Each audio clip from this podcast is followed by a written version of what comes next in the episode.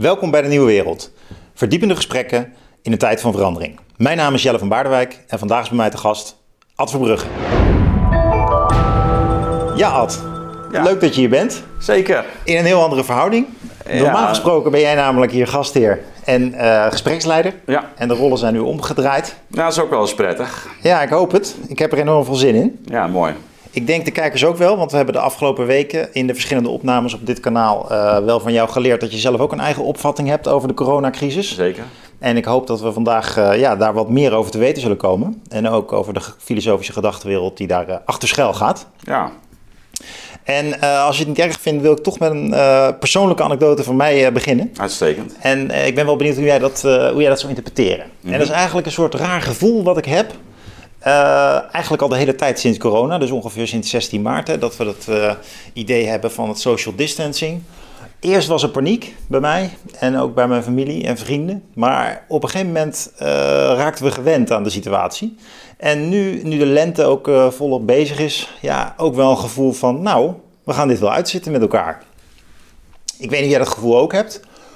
Het is wel een ambivalent gevoel, want s'avonds word ik ook wel geplaagd door twijfel. Wat als die economische recessie doorzet? Maar ja, overdag, het werken thuis via Microsoft, Te- Microsoft Teams, het gaat ook wel. Dus ik heb een dubbel gevoel, maar eigenlijk ook wel het idee van, we gaan het redden. Dat is toch ook wel het sentiment, denk ik nu, wat we op straat ervaren. Dat echte, het echte pijnlijke in de supermarkt rondlopen en denken van, ik moet afstand houden, is er ook wel wat vanaf, die scherpe kantjes. Hoe, zou jij dat, hoe zie jij dat? Heb jij, herken jij dit? Ja, tot, tot op zekere hoogte. Eh, ik moet zeggen dat ik de echte paniek, zoals jij hem nu eh, beschrijft, eh, niet ervaren heb. Wel, wel gevoeld heb, ook, ook om me heen gezien heb ook. Ehm, ik had zelf meer een ehm, ervaring van ehm, lichte vervreemding. alsof je in een soort droomwereld zit. En ik heb het ook wel met verschillende mensen gedeeld. Dat een, een, een soort droomachtige toestand. En ehm, ja, de vraag is natuurlijk, eh, ja, wat, wat betekent dat? Of wat, in welke zin dan droom? Ehm, en er zijn twee, twee aspecten die ik daarin wil eh, benoemen.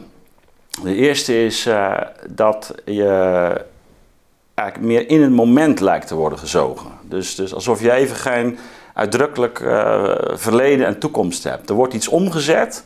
Uh, plotseling mag je eigenlijk allerlei dingen niet meer. Uh, moet je je werk anders gaan doen. Uh, kun je niet meer naar de vertrouwde uitgaansgelegenheden of naar de sportclubs. Maar het is ook niet helemaal duidelijk waar dat naartoe gaat. Tegelijkertijd voel je een soort spanning. En ehm, dat is ook wel iets wat, wat, wat op een droom lijkt. In de zin dat in een droom ook vaak gewoon ergens in terechtkomt zonder dat je precies weet eh, waar het nou vandaan komt en eh, waar het nou naartoe gaat. Dus je, alsof je meer in de, in de beleving van het nu wordt eh, getrokken. En het tweede is, wat ook kenmerkend is voor een droom, echt de uitdrukkelijke ervaring dat je de greep verliest op. Dus dat er zoveel verandert om je heen, hè, dus dat je meer geworpen wordt in een situatie zonder dat je hem beheerst. En ehm, dat is natuurlijk in een droom ook heel vaak. Eh, wanneer je een panische of nachtmerrie hebt, dan wordt het helemaal angstaanjagend. Eh, het is vaker wanneer er een soort schokeffect optreedt, dat je een gevoel van onwerkelijkheid hebt. En dat had ik hier eigenlijk ook wel. En eh, dat is voor een deel ook nog steeds wel, denk ik, waar we misschien maatschappelijk wel in verkeren. Dat we op een bepaalde manier nog niet helemaal ja, de ernst van de situatie overzien. Nog geen echte realiteitszin hebben van eh, wat dit gaat doen. Hè. Je refereerde al even aan die economie. En wat hebben we nu eigenlijk allemaal in gang gezet en hoe gaat dat op ons terugslaan? Het is alsof we ook die horizon van de toekomst niet helemaal tot ons door laten dringen. Ja. En, en dat maakt dat ik nog steeds vind dat we in een soort onwezenlijke Ja. situatie zitten. Waarin, eh, nou ja, zoals jij het ook zegt, ook het soort gemak. Ja, we slaan ons er wel doorheen. Ja. Eh, en dat herken ik. Eh, tegelijkertijd denk ik, als, we, als we nu ook kijken naar de cijfers, hè, maar ook, ook de veranderingen die je eigenlijk waarneemt om je heen, als we die tot ons door laten dringen, dan staat er toch wel vrij veel op het spel. Ja. En, en Ja, joh, ik schrik ervan dat je dat een droom noemt. Dat is inderdaad dat is wat het is, ja. Het heeft iets droomachtigs. Ook dat, dat, dat de structuren wegvallen. En dat je toch in een soort bubbel ja. Uh, zit. En een droom heeft natuurlijk ook het, nare, de nare mogelijkheid dat het een nachtmerrie wordt. En uh, dat is denk ik ook wat sommige mensen wel ervaren, ja. En zo'n droomduiding van oudsher, bij, was ja. bij Freud, moet natuurlijk geïnterpreteerd worden. Ja. Wat, wat zegt deze droom als het, uh, wat, wat zegt dit bubbelgevoel over, over de manier waarop wij leven? En um, ja, je hebt, je hebt natuurlijk eigenlijk een, een, een, reeks boeken geschreven, ook als uh, filosoof, over, je zou kunnen zeggen, uh, onze leefwereld. Over hoe onze manier van het inrichten van het leven, de instituties die daarbij horen, wie we zelf zijn, hoe dat in de loop der tijd ontstaan is, wat de paradoxen daarin zijn.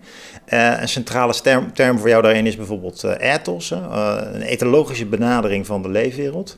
Als jij nou eens van, vanuit jouw denkkader, hoe zou je nou zo'n, dus niet Freudiaans, maar hoe moet je nou zo'n droom, in, wat, wat betekent het nou over de manier waarop wij leven? Wat, wat geeft het ons nou te kennen, die, dat gevoel van in die bubbel zitten? Ja, nou misschien wel um, uh, aardig om, om in dit verband uh, even naar Aristoteles te verwijzen. Die um, zegt uh, dat mijn gewaarwording van een situatie ten diepste samenhangt met uh, mijn instelling, hoe ik ben ingesteld. Dus uh, het Griekse woord hex is een soort houding die je hebt. En ook de, de uh, gevoelens die ik heb in bepaalde situaties, die hangen, houden verband eigenlijk met mijn, mijn instelling. Hoe ik door gewoontes reageer op dingen die zich aan mij voordoen. Dus als ik bijvoorbeeld driftig ben, en dan zal ik een, snel een gevoel van, uh, van boosheid uh, hebben. En ook situaties op die manier uh, beoordelen. Van hey, ik word niet goed bejegend of iemand kleineert mij. En hup, meteen ja. reageren van daaruit. En ja, wanneer we, jij, jij begon over die, hè, dat, dat, die paniek. Hè, maar ook, nou ja, laten we zeggen, een bepaalde kijk die, die je nu ontwikkelt. En dat zegt iets over je zou kunnen zeggen over uh, onze, uh, ja, onze constitutie, hoe, onze instelling, hoe, waarin wij nu eigenlijk verkeren. En nou vind ik het interessant hè, dat uh, je zou kunnen zeggen dat de manier hè, waarop dit virus nu in onze ja, wereld terecht is gekomen, iets interessants doet met die, met die constitutie. Want we worden met iets geconfronteerd, hè? Uh, een bedreiging. En wij reageren daar op een bepaalde manier op. En uh, je zou kunnen zeggen, we gaan er vol tegenaan. Waarom? Omdat we het gevoel hebben dat we fundamenteel uh, worden bedreigd.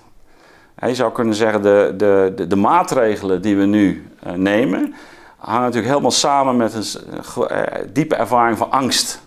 Hmm. Ja, we, worden, we worden angst dat we in ons bestaan worden, worden bedreigd.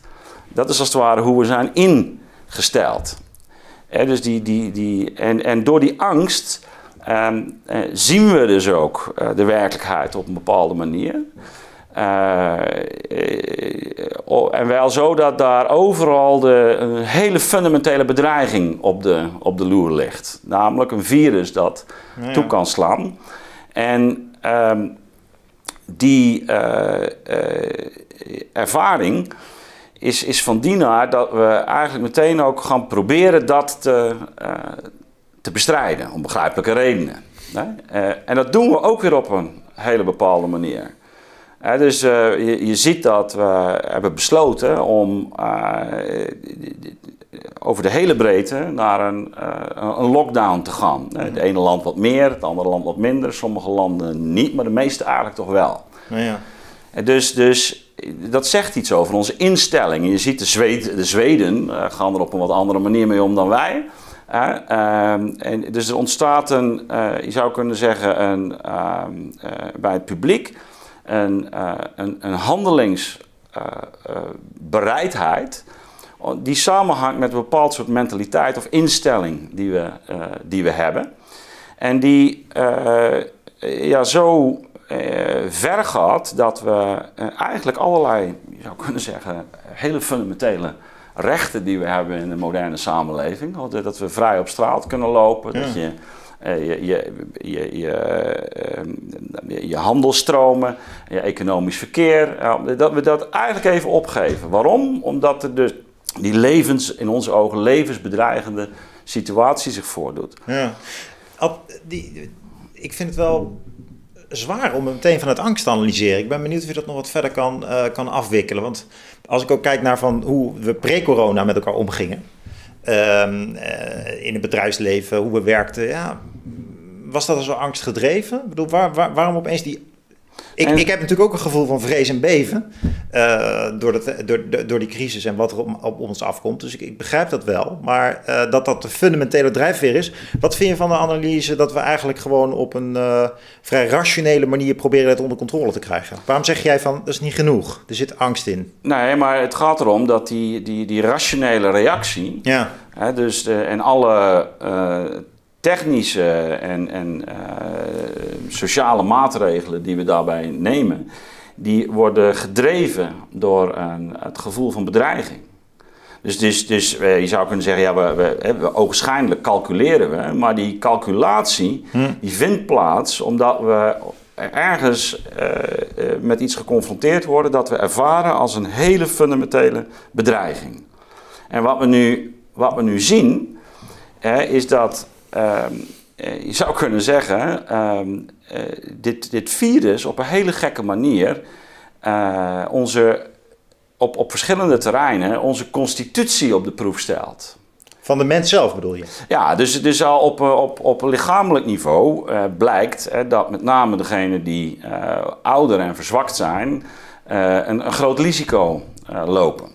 Dus, dus je zou zeggen, het virus, eh, zoals vaker gebeurt bij virussen, maar zeker bij dit virus, eh, raakt bij uitstek eigenlijk uh, een groep um, die niet um, de constitutie heeft waarin, waarin men weerbaar is. Dus men heeft door een bepaalde levensstijl, dan wel door een bepaalde leeftijd, gewoon niet de kracht om dit te overleven. Dat is iets heel uh, gebruikelijks overigens in de natuur. dat, dat zie je op alle terreinen. Maar we zien dus de, de constitutie wordt beproefd. En bij uitstek die groep, die, uh, die komt te overlijden. dus je ziet een... Het, het, het tweede is natuurlijk vervolgens... Ja, maar ook, we nemen nu maatregelen.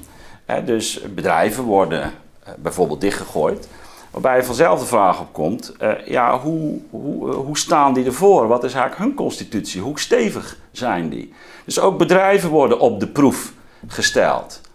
Uh, vervolgens zien we dat uh, ja, ook eigenlijk complete landen en overheden op de proef worden gesteld. Van, ben je in, in, staat om te dragen dat wat je nu aan het doen bent? Ja. Dat is nog niet wat we ons realiseren, maar dat is wel wat er gaande is. We zien nu al de eerste faillissementen. Uh, uh, er is echt een raming dat het om grote uh, aantallen bedrijven gaat. En dan zie je eigenlijk dat we te maken hebben met een, over de hele linie een, een soort beproeving van, van structuren en constituties. Tot en met, in mijn ogen, de, de Europese Unie en alle internationale organen. Zelfs de WHO als, uh, als een internationaal instituut wordt op zijn, ja. uh, je zou kunnen zeggen, op zijn degelijkheid beproefd. Alles wordt blootgelegd uh, op een manier waarin eigenlijk de, de, de, vraag naar de, de stevigheid en de sterkte ja. aan, aan de orde komt. En dat is fascinerend, want het begint allemaal met het feit dat wij dus eigenlijk niet goed kunnen verdragen dat een, een kwetsbare groep mensen er komt te overlijden als gevolg van dit virus. En in plaats van dat we die groep uh, in quarantaine zetten en heel goed beschermen, hè, wat in het verleden vaker, uh, zeggen we eigenlijk nee, we gaan de gehele samenleving stilleggen om te zorgen dat die kwetsbare groep geen risico loopt. En op zichzelf is dat heel nobel, maar de, dat, wat dat vervolgens doet, is dat de, de hele vraag, ja maar kunnen wij dit dragen? Ja. Kunnen, kunnen onze instituties dit dragen? En dat wordt de, de, de vraag van de komende maanden, maar in mijn ogen van de komende jaren. Een grote en beproeving van onze instituties. Eh, in hoeverre ze, hun constitutie, hun sterkte eigenlijk op orde is. En dat is, dat is denk ik wat we nu eh, stap voor stap aan het merken zijn. En de droom zo, ja. is dat wij eigenlijk die beproeving eh, niet goed doorhebben. En ook niet zien dat met wat wij nu doen, we in feite onszelf enorm uh, op de proef aan het stellen zijn. Ja, ja nou, dan, wordt het wel heel, dan wordt het wel heel reflexief. Uh, Oké, we worden op de proef gesteld. Daar zijn we bang voor. Want we hebben door hoe fragiel het systeem is. We hebben door hoezeer we eigenlijk hechten aan een nee, maatschappij. Het punt is, door wat wij doen... Uh, zal er dus de, dat een uiting is van onze eigen constitutie. Want wij zijn zeer krampachtig nu iets aan het proberen te beheersen. Door die reactie wordt eigenlijk blootgelegd en, en wordt, wordt de vraag urgent van kunnen wij dit eigenlijk wel dragen? En, en zijn we bereid dus om, om dingen te doen die, uh, die ons uiteindelijk ook gaan ondermijnen? Dat is mijn... Maar dus in de manier waarop we reageren op de coronacrisis toont zich eigenlijk gewoon al om te beginnen onze eigen constitutie en ook precies het probleem daarvan. En dat is eigenlijk dat we een wereld willen, uh, vitaal willen houden die het eigenlijk niet is. Of die, die te fragiel is. En um, daar zit een angst in dat we dat dus verliezen. Ja. Um, en nu komen we in een soort droomachtige reactie. Aan de ene kant van, uh, wat ik ook probeerde duidelijk te maken met mijn openingsvoorbeeld, van toch een soort van ontkennen. Hè, van ontkennen dat het een gang is, proberen om eruit te zitten. Maar aan de andere kant ook een overreageren en de kwaal groter maken eigenlijk. Wat natuurlijk ook heel duidelijk in de economie het geval is. Uh, dat een middel misschien groter is dan de kwaal zelf. Ja, maar dat zegt iets over onze instelling. Ja, en, dat is mijn punt. Precies, en daar wil ik nu op door. Want die instelling zelf die heeft dan klaarblijkelijk bij jou iets te maken van... Uh, dat wij dus niet de moed of het vermogen hebben eigenlijk... als ik je uh, goed aanvoel, om afscheid te nemen van de manier waarop we leven. De, om te zeggen, dit, dit kan dus ook niet zo nou ja, kijk. Wat, wat, wat, is het dan waar wij angstig voor zijn om vanaf te komen? Of wat, wat, is, dat, is dat gewoon überhaupt dus dat we het verlies niet willen nemen? Eh, nou, wij worden geconfronteerd met het leven. En wij hebben moeite om het leven onder ogen te komen. Kijk, um, bij leven hoort dood. Bij leven hoort ziekte. Dat is niet alleen maar iets negatiefs. Dat is voor een. Eh, en nogmaals, ik ga hier niet de ziektes eh, verheerlijken. En ik ga hier ook niet zeggen, nou, wat goed dat er coronavirus is. Maar eh, virussen zijn zo oud als het leven zelf. En ehm, een heleboel virussen zijn ook uh, uh, gezond, horen bij de manier waarop het, het, we ook organismen aansturen.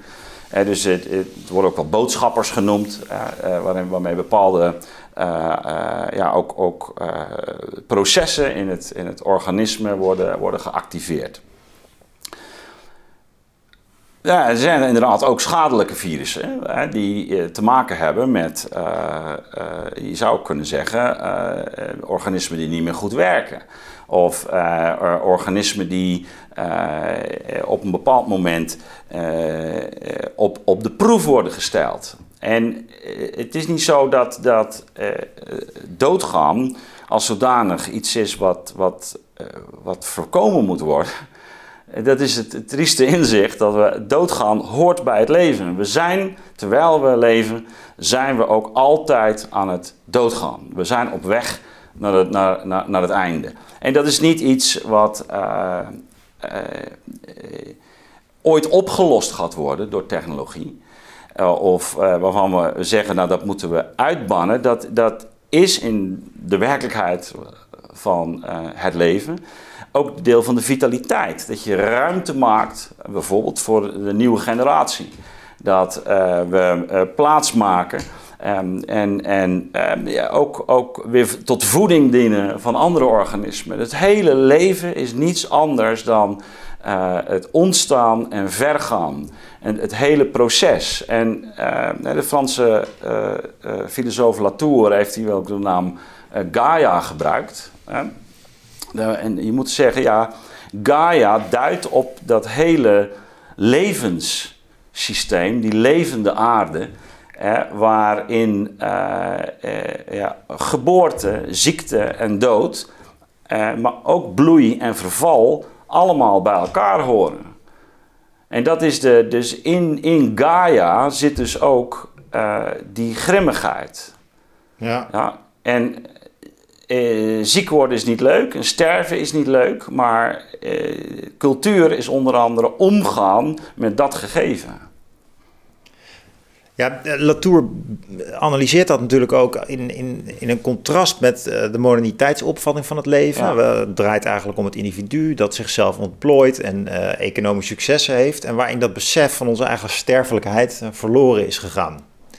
Dat is eigenlijk raar. Dus we zijn in een cultuur terechtgekomen, als je het zo wil noemen, een moderne cultuur, waarin dus eigenlijk het, de, wij geen oog meer hebben voor het leven. Of voor de elementaire dynamiek en het verlies van het leven zelf alsof dat verdrongen is dus in deze ja, idealisering van het leven om het te verlengen, om het vitaal te houden en, en dus het pijnlijke niet meer onder ogen te komen.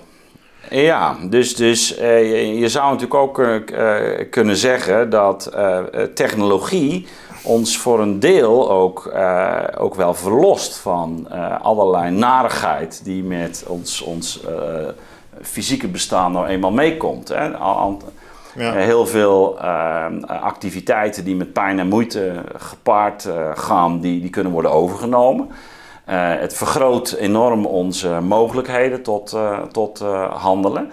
En tegelijkertijd ehm, kan het ons ook wel enigszins verblinden voor het feit dat ook, ook, het lichaam bijvoorbeeld wel degelijk ook dit soort uitdagingen nodig heeft. Kijk, iedere wandeling Ehm, en iedere oefening uh, waarin je bijvoorbeeld hard aan de sport doet, die is nooit eenduidig uh, plezierig. Dat heb je vaak niet door. Hè? Maar er zit altijd ook iets van ongemak in, van pff, moeite. En dat merk je vooral wanneer je even naar de sportschool gaat of zo. Hè? Of je ga je even twintig keer opdrukken. Ja. En dus je, je, je maar het, die, die, die, ehm, die, die strijd of dat gevecht, die inspanning die je moet leveren, uh, vormt een deel van jouw kracht. dus, en jouw weerbaarheid. Dus het kunnen integreren van dat wat, wat, wat als negatief zien, is een deel van de kracht. Op het moment dat je dat wegneemt en je beweegt niet meer, dan weten we, dan gaat het lichaam dus verzwakken. Ja. dus, dus, dus de, de, de, de voortdurende uh, uiteenzetting, de confrontatie ook met dat wat Ehm, ehm, eh, inspanning vraagt. En dat wat soms pijnlijk is in, in onmiddellijke zin, is onderdeel van de vitaliteit waarin je staande moet houden. Ja. Kijk, je, het, is, het, is, het is bizar hoe dat eigenlijk in de filosofie is voorbereid. Hè? Dus dat je al bij het utilitarisme, of zelfs bij Noesbaum eigenlijk ziet van ja, het gaat om flourishing. En het hele idee van dat er ook weerstand bij het leven hoort. En dat je dat nodig hebt om tot bloei te komen pijn moet kunnen leiden, dat dat erbij hoort, dat, dat, is, dat wordt niet serieus genomen. Dat wordt eigenlijk liever uh, weggepoetst. Het gaat liever om, meer om dingen als pleasure en happiness in die, in die traditie van de filosofie. En tegelijkertijd is het niet alleen filosofisch, maar ook gewoon door de consumptiesamenleving van, van winkelen en uh, webshoppen natuurlijk ook feitelijk onze leefwereld geworden. Ah, absoluut. We worden overal geprikkeld op uh, genieten, plezier maken, leuke dingen doen. Het moet leuk zijn, het moet gemakkelijk zijn, niet, niet te veel moeite doen. En dat is ook heel aantrekkelijk. En het, eh, wanneer je dus nader eh, nadenkt over eh, Gaia, dan, dan moeten we zien dat eh, die, die technologie waar ik het over heb, ehm, het gebruik van de aarde op een bepaalde wijze, dat dat door ons wordt gezien als iets waarin we bijna een soort passief object proberen naar onze hand te zetten. Dus, dus we, we, nou ja, eh, eh, de natuur is neutraal ja, object. dus wat, wat Heidegger zegt, uh, het, de, de, bestelling, het, het, het, ik, ik ontdek de werkelijkheid als bestand dat beheerst kan worden en zeker gesteld. dus een, een, sterke oriëntatie op die, op die beheersing. Nou, is interessant, als je, en dat maken we inmiddels ook mee in de, de hele ecologische problematiek. En dat we natuurlijk, wanneer we aan, naar, naar de aarde als geheel kijken, hè, dus het ecologisch systeem, uh, dat natuurlijk iedere uh, uh, ingreep van, van onze kant, en waarin we ogenschijnlijk dus datgene realiseren wat we willen hebben, of het kan ook een, een, broodje uit de muur zijn, zeg maar, dat dat natuurlijk in het hele systeem terechtkomt. Dus we veranderen natuurlijk iets aan het milieu. Het, we, komen in een proces terecht, om met uh, Latour te spreken. Mm. Dus je doet iets wat nooit simpelweg kausaal is, Ja. Het heeft ook altijd alweer invloed op, op uh, bijvoorbeeld het milieu, het, de, de manier waarop ik ehm, de, de, de hele wereld verder organiseer. Kijk maar eens naar een industrieterrein, wat daar om, om, omheen gebeurt. Het hele ecologische vraagstuk is natuurlijk eigenlijk een vraagstuk waarin duidelijk wordt dat die techniek op een bepaalde manier onze eigen omgeving en bestaansvoorwaarden ook zo verandert dat het ook weer een bedreiging kan, kan vormen. Ja, ja. Nou, Gaia is dus dat, die, die dynamiek. En uh, wij, zijn, wij zijn dus verwikkeld in, in, het, in, in het leven. Die Gaia-these had ik we zijn hier niet van de romantische school, hè? Nee. het verheerlijken van de natuur en het nadenken over uh, hoe, hoe, de oude Grieken dan uh, een bezieling in de natuur uh, zagen. En tegelijkertijd gebruik je die term. Ja. ik, ik heb nu toch, dat heb ik bij Latour ook, moet ik zeggen, dat ik denk van ja, dan komt hij met die Gaia-these. En dan hoe zou je dat nou, want je gebruikt die term niet voor niks. Hè? Je gebruikt niet voor niks die term om het systeemdenken te illustreren. Maar je noemt het ook niet gewoon systeemdenken. Kun je dat nog eens verder illustreren vanuit die uh, mythologie? Of aangeven waarom je nou deze toch zware metafysische notie wil gebruiken? Nou, eh, dat doe ik ook omdat... Kijk, die notie Gaia, die, die wijst op uh, eigenlijk een soort duistere bron van uh, spontaniteit. Een bron van uh, verandering en beweging. Uh, die uh, mooie dingen voortbrengt, maar die ook dingen voortbrengt die wij als mens misschien heel onaangenaam vinden. die, waarin ook de muggen en de plagen thuis horen. Waarin niet alleen de dag er is, maar ook de nacht waarin, ehm, eh, zoals in de, in de Griekse denken, ehm, eh, eh, natuurlijk de moeders gevoed worden, maar waarin we ook zien hoe de, de wraakgodinnen tevoorschijn komen. Ja. dus het, het, het, het wijst op eigenlijk de, het leven in zijn veelzijdigheid, zowel in zijn scheppende vermogen als ook in zijn vernietigende vermogen. En ehm, dat, dat betreft dus uh, niet alleen maar ons individuele leven, maar, uh, maar ook die van gemeenschappen, van groepen, van, van kolonies, van allerlei verbanden. En, en wanneer ik dus zeg, van we zitten met uh, op dit moment met een situatie waarin we met die techniek proberen de greep te krijgen, dan suggereren we dat we uh, dit Gaia of deze bron gaan, gaan beheersen. Wat we in, met de corona nu hè, meemaken. Natuurlijk we een technisch antwoord, hè, daar kunnen we het zo nog iets verder over hebben. Maar wat we meemaken is, en, en dat is ten diepste gewoon wat het leven is, uh, dat er nieuwe dingen geboren worden uh, waar we simpelweg mee moeten leven. Dus corona is ook een, het gegeven van een ziekte en net zoals de griep dat is, is misschien wel wat heftiger. Dat gaan we niet verslaan, dat gaan we niet uitbannen. En dat is een, een, een element dat zich nu voordoet waar we mee moeten leren leven, waar we mee moeten omgaan. En dat is heel wat anders dan verslaan, vernietiging, verdrijven. Dus het is, uh, een, uh, wij zijn verwikkeld in het leven en, en, en wat ons bedreigt is ten diepste ook wat ons voedt, wat ons doortrekt.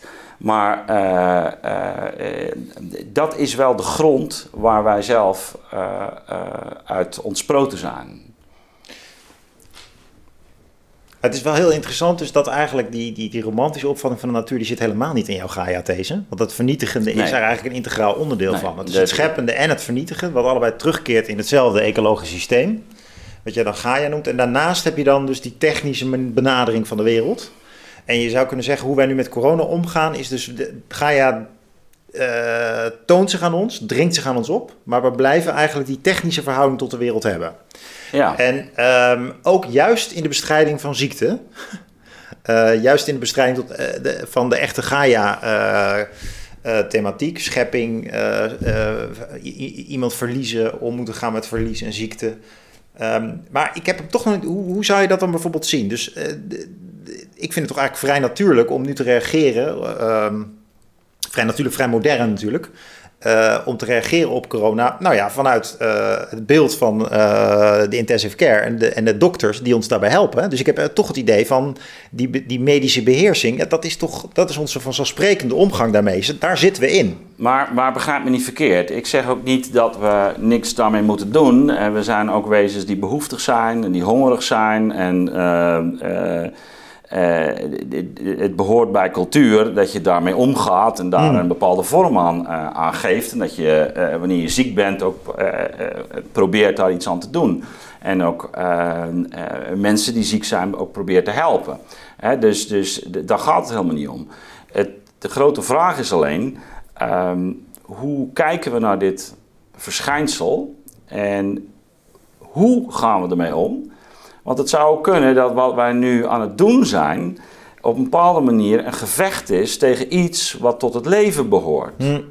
Dat, de, eh, dat de angst waar we het over hebben, jij zegt uh, paniek had je, hè? dus de god Pan, die staat ook voor de vrije, vrije natuur. Dat die uh, bij de Grieken, Pan, dus ook duidelijk gerelateerd natuurlijk aan, aan, aan Gaia. En maar dat die paniek, die, die, die angst heeft te maken met dat, dat onvoorspelbare karakter. Hm. dus dat we met iets worden geconfronteerd dat we niet op de, de manier kunnen uh, benaderen zoals we het gewoon zijn. En waar het mij om gaat is dat we het gevaar lopen in de band te raken, in feite door een angst gedreven dat we niet meer een helder zicht hebben op, op wat zich nu aan ons voordoet. En dat we daardoor dingen gaan doen die eigenlijk zelf iets waan- en droomachtigs hebben. Dat we zelf in de ban raken doordat, eh, van uh, uh, ziekte en dood.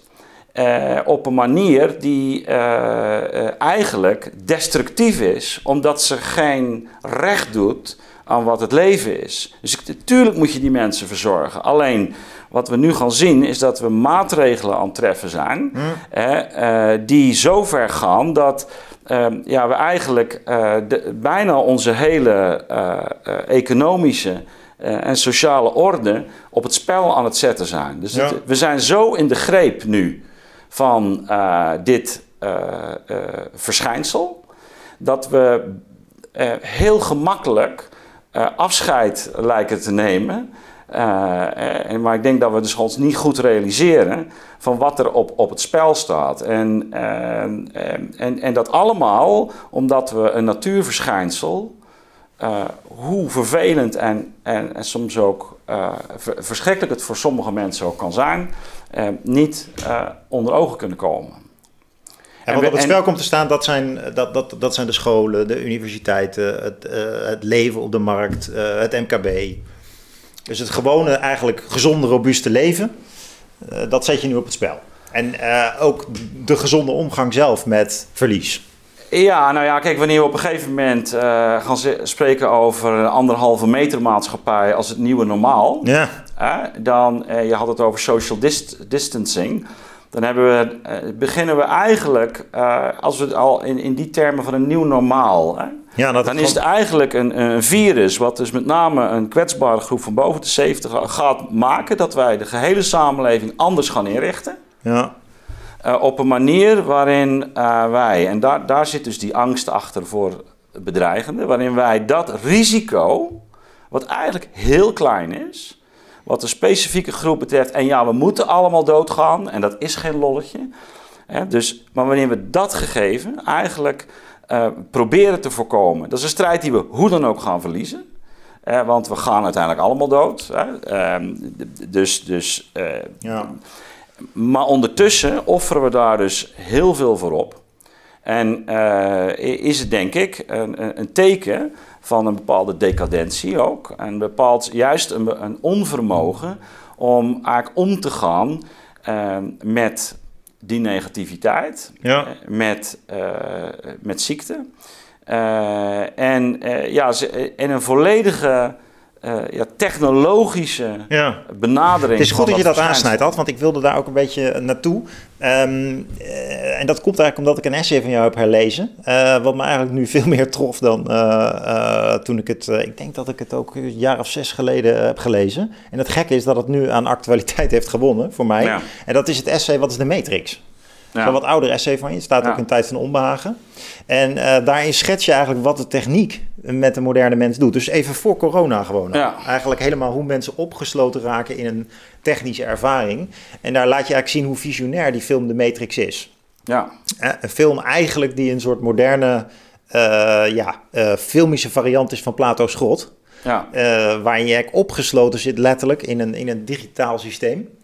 Uh, omdat jij net ook zei dat die moderne levenswijze, waar dus die doodsangst zit, waar die ontkenning van Gaia zit, dat je dat ook drukkelijk verbindt met technologie, het faciliterende van de techniek.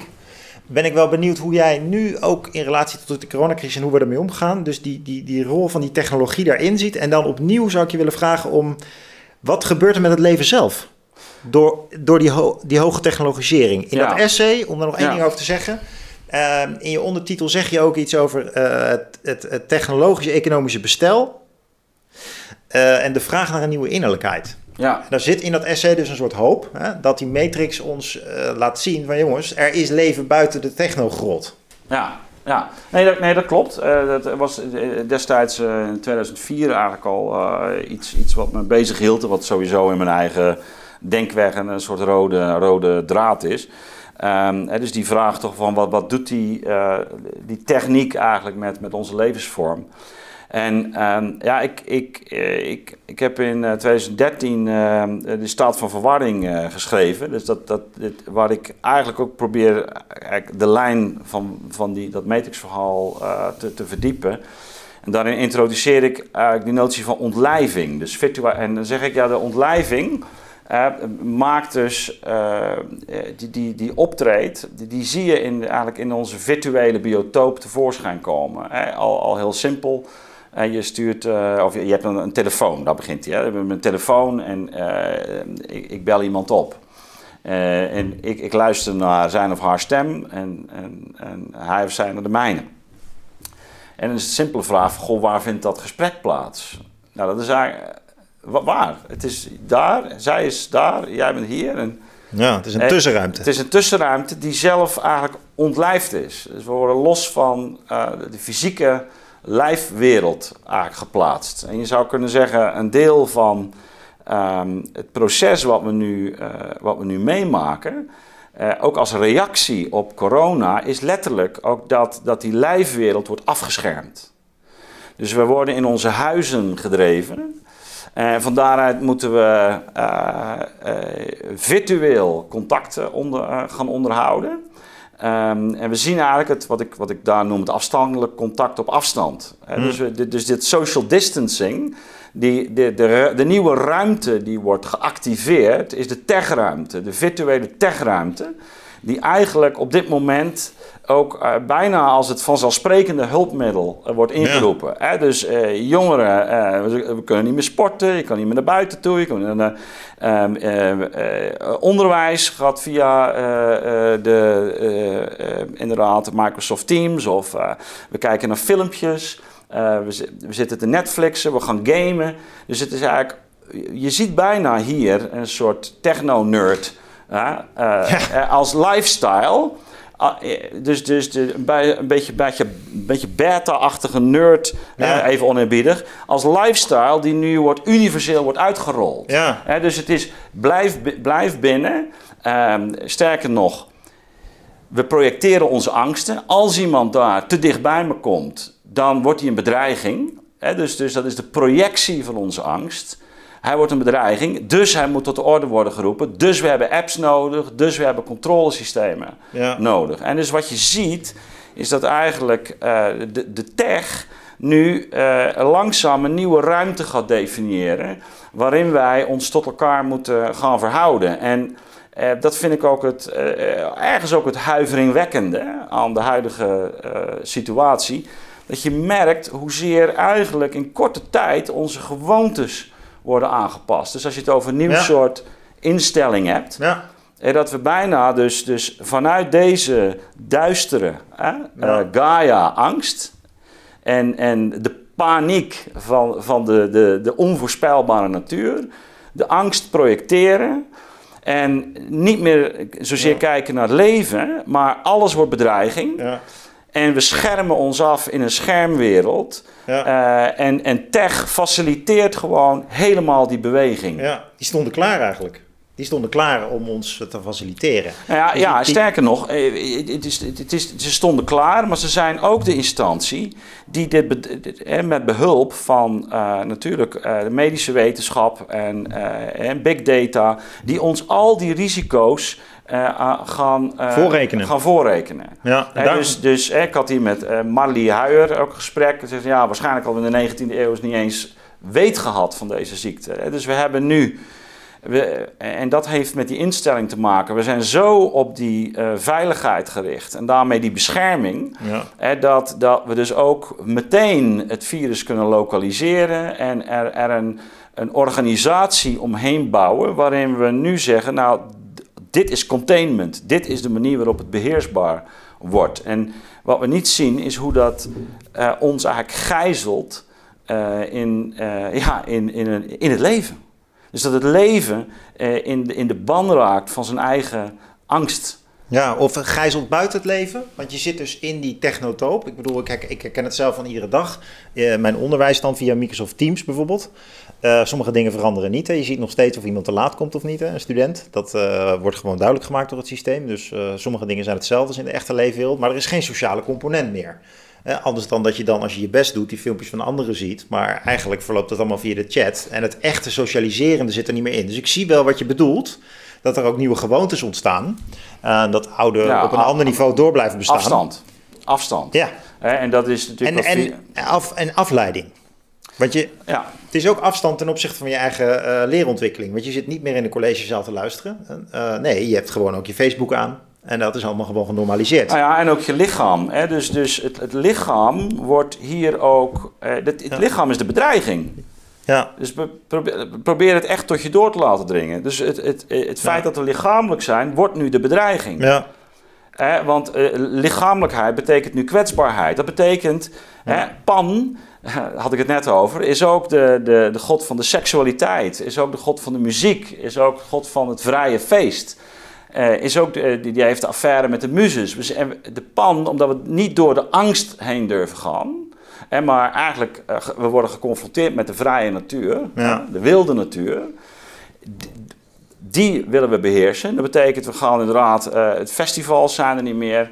Eh, we kunnen niet meer samen zingen. We kunnen eh, niet meer iemand on- onverwacht begroeten. Een vreemde. Dus het is, het is, het is een, inderdaad, we, we, we doen de pan en daarmee die natuur en lichamelijkheid eigenlijk in de ban. ja. En, en dat is een, nogmaals, en dat is omdat we dus zelf, en jij zegt van ja, los van het leven. Nee, het is het leven dat eigenlijk tot zijn pure lichamelijkheid nu wordt gereduceerd. In de modus van de afweer. Ja, ja. Ja, want het is, we zijn juist in de ban van daarmee van onze, van onze lichamelijke kwetsbaarheid. Dus het is heel paradoxaal. We zitten achter die schermen omdat eh, we geobsedeerd zijn door iets wat ons eh, eh, bedreigt. En dat zijn we zelf en we projecteren het naar buiten en we zetten technologie daarop in. En dus we, we, we zitten hier in een situatie waarin we ehm, eh, het gevaar lopen. eigenlijk heel veel van de levens eh, vrolijkheid en kleur te verliezen door eh, deze permanente ja. eh, situatie van, van bedreiging en een soort neurotische eh, angst. Wauw, wat. Er zit hier. de- Dit, dit, dit heeft iets van hoe wij zelf naar onszelf kijken. Dus dit is, een- dit is een fundamentele geestelijke oriëntatie. Ja, waarin we dus die is- lichamelijkheid we juist wel en juist niet onder ogen komen. En niet door die pijn heen willen. En nou, jij zit te vertellen. En ik denk. eh, En, en er zit ook gewoon. Er zit een hele wereldse kant hieraan. Want je ziet dus dat Facebook en, en Amazon en dat soort bedrijven. die, die komen eigenlijk wel goed uit met deze situatie. Hè? Die profiteren ervan. Maar ook eh, Ja. de, de, de medische structuur waarin we leven. Dus deze angst, eh, deze angst om niet door de angst heen te willen gaan, eh, deze vrees voor het verlies. eh, deze dus eigenlijk verzwakte, te veel op zekerheid ingespeelde constitutie, ehm, die zit ook in de medische wereld. Die, die, die, Ja, ja, die- ja, die, die medische wereld, die stimuleert. En dus ik wil even, ik ben, ik ben benieuwd naar jouw reflectie op de institutionele wereldse kant hiervan. Dus we zien dat de media hier volop op inspelen. Hè? De, door ons te vertellen over eh, hoe vreselijk het, ziek, eh, het ziektebeeld is wat erbij hoort. Eh, de dokters die aan het woord komen. Maar ook dus hoe dat dus allemaal nog weer eens een keer via het nieuws en de computer Ja. binnenkomt. Ja. ja, dat is ook die droom. Hè? Dus de pan en de nachtmerrie. Hè? Dus dat is ook de droom die, eh, waar, waar we weer aan raken. Want het is, het is een, eh, eh, we, we krijgen steeds die beelden. Hè? Dus, dus er wordt niet verteld dat wanneer je corona krijgt, bijvoorbeeld op mijn leeftijd, dat de kans dat ik dit jaar overlijd aan een andere ziekte, die is dan nog vijf keer zo hoog dan als ik feitelijk corona heb. Dus nou, die kans dat ik overlijd is al vrij klein. Ja. Dus, je, je, dus er is een, een, een, vergroting van bedreiging, van gevaar. Van, van, eh, en, en we moeten het winnen, we moeten het verdrijven. We moeten het, Ja. terwijl je ook eens zou kunnen zeggen, nou zorg nou gewoon dat je gezond leeft. Zorg dat je voldoende buiten komt, lekker beweegt, goed sport, goed eet, goed slaapt. Eh, ga vooral niet in de stress zitten, want dat, dat, zo heb je goede conditie. En is de kans zeer, zeer, zeer groot dat je, dat je hier tegenaan kunt. Ja. En dus, dus we worden op een gekke manier, in mijn ogen, dus kwetsbaarder. Door, Ja. eh, omdat we eh, dus de, de, de, de, de, de specifieke eh, aard van wat, wat zich hier nu voltrekt, gewoon een virus, Ja. gewoon niet, niet onder ogen komen. We hebben het niet te maken met een middeleeuwse plaag waarin 30% van de bevolking sterft. We hebben het echt over een hele een matige, tot op zekere hoogte, vriendelijke ziekte. Ik maak me ook zorgen om mijn vader, Ja. die is 92. En, maar dan zorg ik dat ik niet te dicht bij hem in de buurt kom. Hij is er zelf heel erg nuchter onder. Dus we zien elkaar ook gewoon nog. Maar hè, hij zegt, ja, als mijn tijd gekomen is, is mijn tijd gekomen. Ja, ja. Nou, ik hoop natuurlijk ook dat hij dit gewoon overleeft, evident. Maar, maar we zien inderdaad dat een, een, een, eh, ja, een, een nachtmerrieachtige beeldentafereel, eh, collectief. Hè, dan heb je het weer over de geest, onze constitutie, collectief nu, maatschappelijk, Ja. eh, door, door onze samenleving waait. Je merkt ook, d- daar ben je niet helemaal autonoom in. We worden aangestoken door elkaar.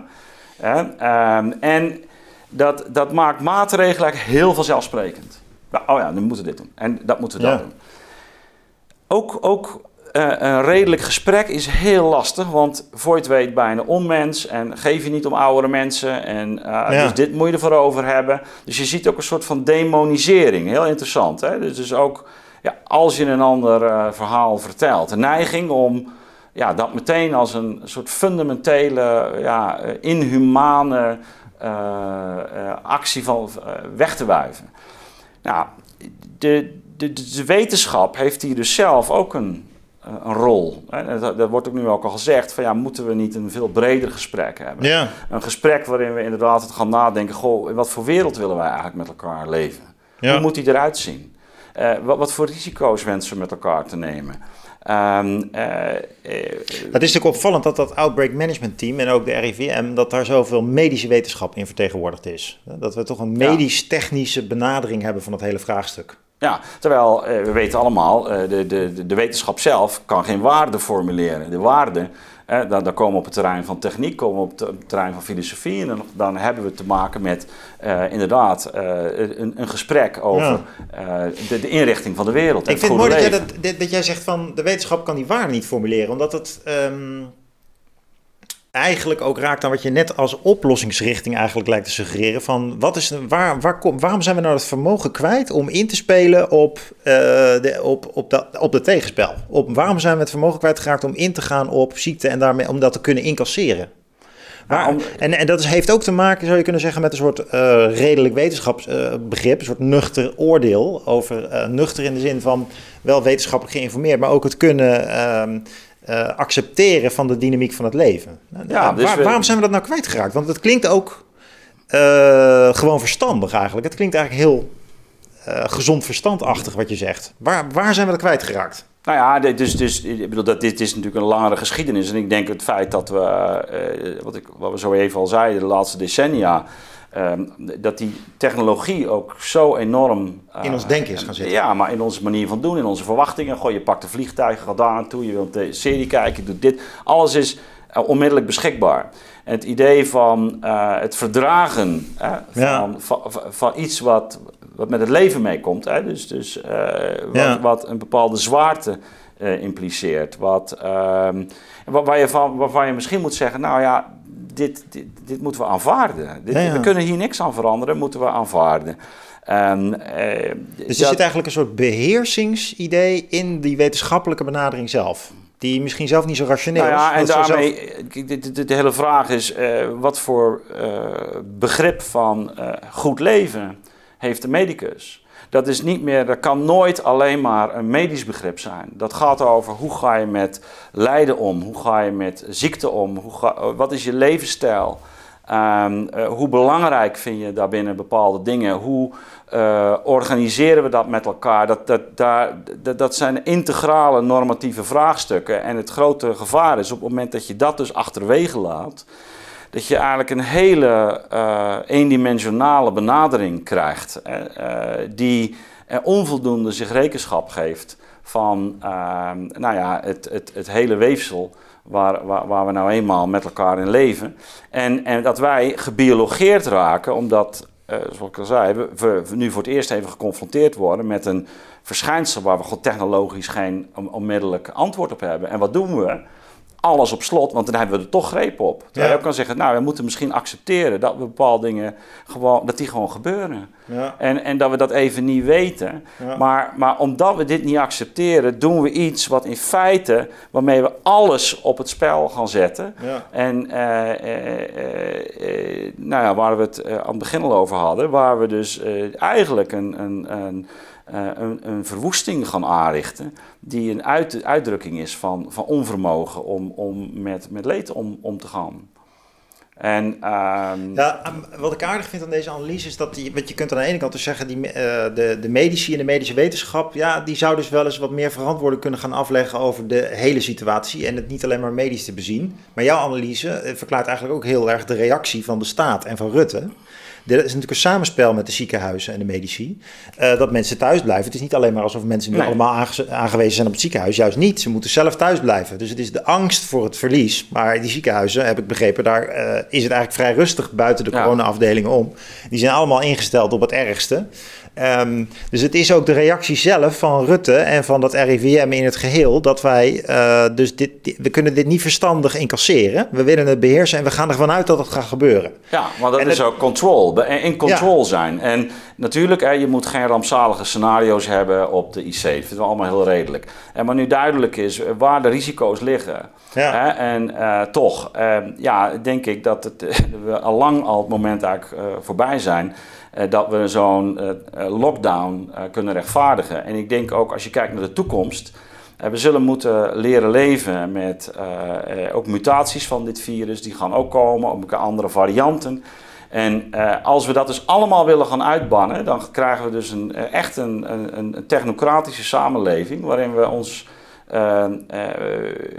ons leven in feite gaan, ja, je zou kunnen zeggen, aanpassen aan structuren um, uh, die, die in, in de kern uh, uh, het, het, leven juist enorm verarmen en geweld aandoen. Ja, terwijl ze ook wel weer wennen. Hè? Dat is natuurlijk het lastige. Ja, ja en dat is mensen, dus het mensen, punt. Mensen doen het gewoon. Ja, maar dat is dus dat is ook het hele beeld van de Matrix. Hè? Dus dat je uiteindelijk in een badkuip ligt, helemaal niet meer het ja. echte leven leidt. Ja. dus dat is de, het gevangen raken in, in gewoontes, waarbij die angst, een, eh, Foucault heeft daar natuurlijk ook al op gewezen, zijn analyse van de pest, een, een, een enorme, uh, uh, krachtige drijfveer is om, om, uh, om de vrijheid en, en de, het spel, maar ook het avontuur hm.